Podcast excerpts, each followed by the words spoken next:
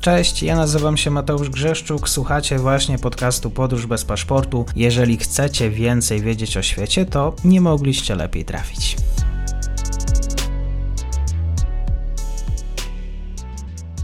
Dzień dobry, dobry wieczór wszystkim słuchaczom. Dzisiaj Bliski Wschód, myśl ostatnich wydarzeń międzynarodowych. Za mną jest dr Jakub Gajda z Fundacji Płaskiego. Dzień dobry, bardzo miło. Dzień dobry, panie redaktorze, mnie również bardzo miło. Meczu ostatniej kolejki fazy grupowej Iran zmierzy się ze Stanami Zjednoczonymi. Będzie to mecz we wtorek, 29 listopada. Pytanie, czy Irańczycy podzielają euforię, która również odzwierciedla się na tych e, trybunach, na, na murawie? Jeśli chodzi o udział, o, o udział piłkarzy Iranu w Mistrzostwach Świata w Katarze, to jest to taka kwestia, która daje naprawdę bardzo dużo do myślenia obecnie. Kwestia na wskroś upolityczniona.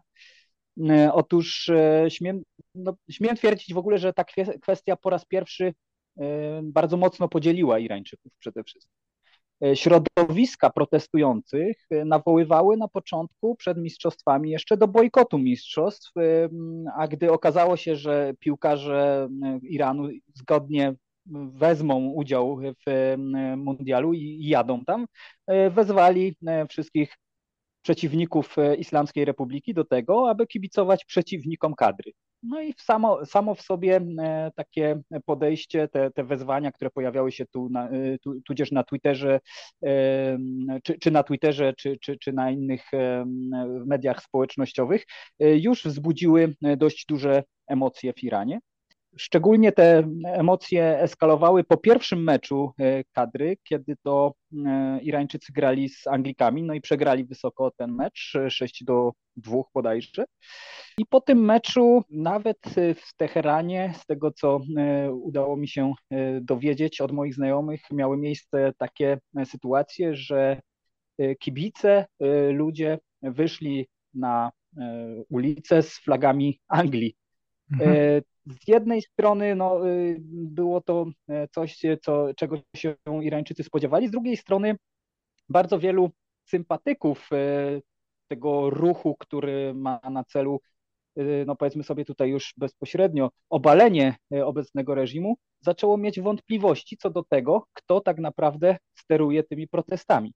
I e, myślę, że to był po prostu oczywisty błąd e, tych osób, które wzywały do bojkotu, do bojkotu kadry narodowej ze względu właśnie na posłuszność względem e, władzy. I po tej porażce, kiedy miałem okazję rozmawiać z kilkoma osobami, no, większość moich rozmówców miało takie bardzo ambiwalentne odczucia, wręcz niektórzy, w niektórych, mimo że byli sercem za protestami zaczęło pewne wzburzenie narastać związane z tym, że no, na przykład sąsiedzi, kiedy e, leciał mecz, e, sąsiedzi e, za ścianą kibicowali Anglikom, cieszyli się po tym, jak reprezentacja Anglii zdobywała bramki.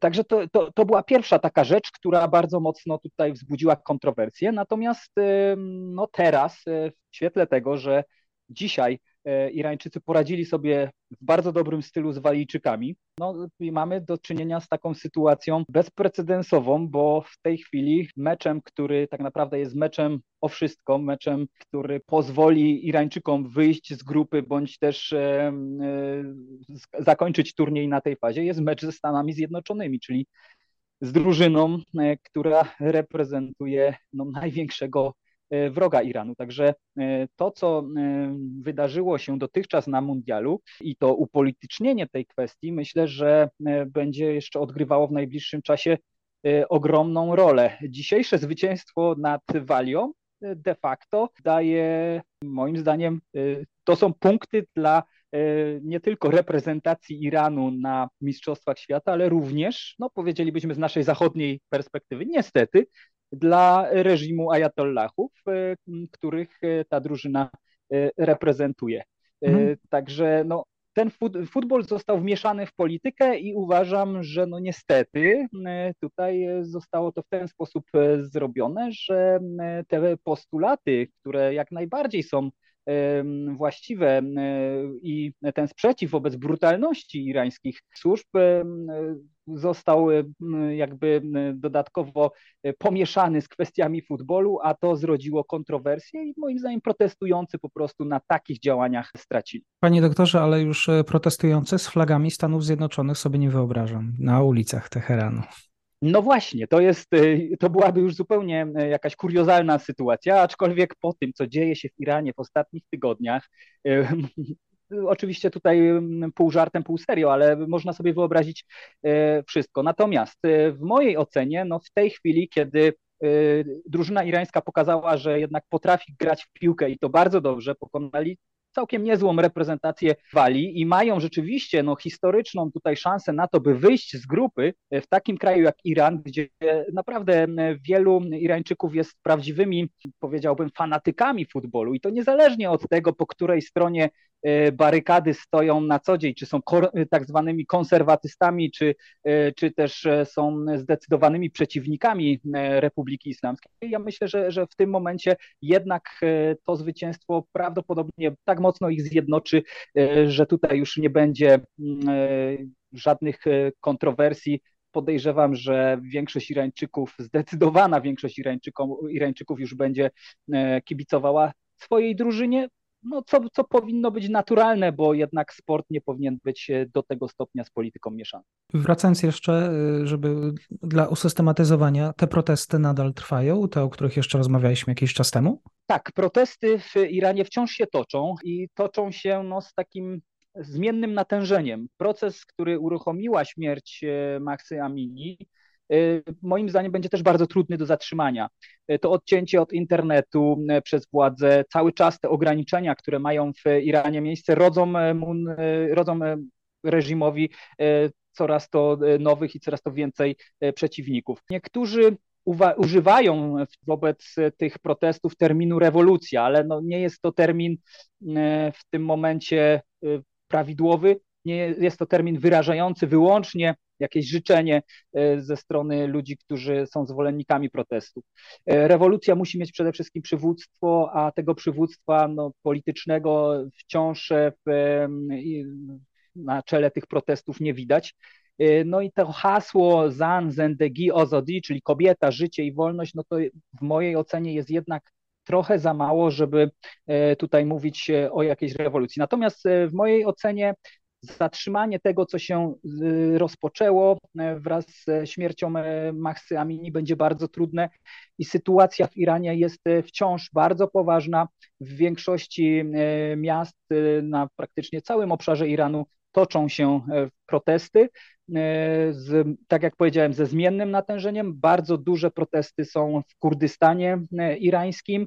E, tam pojawiły się również dodatkowe problemy dla władz związane z aktywnością, czy też być może wyimaginowaną poniekąd aktywnością bojówek kurdyjskich, takich ruchów separatystycznych, które Irańczycy zaczęli zbrojnie zwalczać. E, także ta sytuacja jest e, bardzo poważna, no i e, myślę, że sam mundial, nawet jeśli będzie tutaj wielki sukces, też tych ran nie zagoi i ta powiedzmy niedoszła jeszcze rewolucja będzie sobie jednak gdzieś pełzała, a wobec braku chęci ustępstw ze strony władzy, no wcześniej czy później może zakończyć się dla nich totalną klęską i będą zmuszeni oddać władzę. Tylko pytanie, w ręce kogo tę władzę mieliby oddać? Turcy ostrzeliwują pozycje kurdyjskie. Iran również przeprowadził ataki przy użyciu rakiet i dronów na pozycje kurdyjskich grup opozycyjnych w rejonie miasta Irbil w północnym Iraku. Ataki przeprowadzone osobno w tym samym czasie. Jaki interes ma w tym Iran? Dlaczego teraz? No, jeśli chodzi o, o granicę e, tą zachodnią, e, granicę z Kurdystanem e, irackim, e, no to ona już jest newralgiczna od dłuższego czasu, e, ale no według tego, co podają oficjalne irańskie źródła, to to, co dzieje się obecnie w Iranie, ta sytuacja wewnętrzna jest bardzo mocno inspirowana z zewnątrz, a takim obszarem aktywności przeciwników Islamskiej Republiki. I tu nie tylko mówię o Kurdach, e, separatystach, ale również przed, i przede wszystkim o największych wrogach Islamskiej Republiki, czyli Stanach Zjednoczonych i Izraelu. Ta ich działalność gdzieś tam e, według e, oczywiście irańskich władz koncentruje się właśnie na terenie Irbilu, na terenie irackiego Kurdystanu i stamtąd mają być przeprowadzane rozmaite akcje wymierzone w stabilizację w e, Iranie.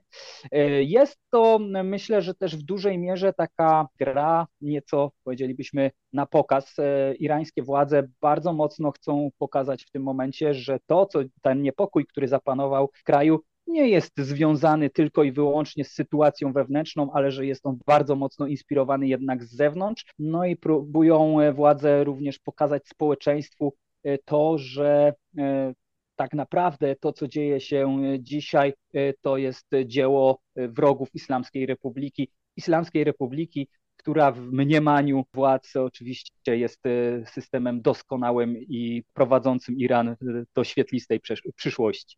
No co oczywiście możemy widzieć zupełnie inaczej. Doktor Jakub Gajda dzisiaj w kontekście tego, co się dzieje w Iranie. Bardzo dziękuję panie doktorze za komentarz.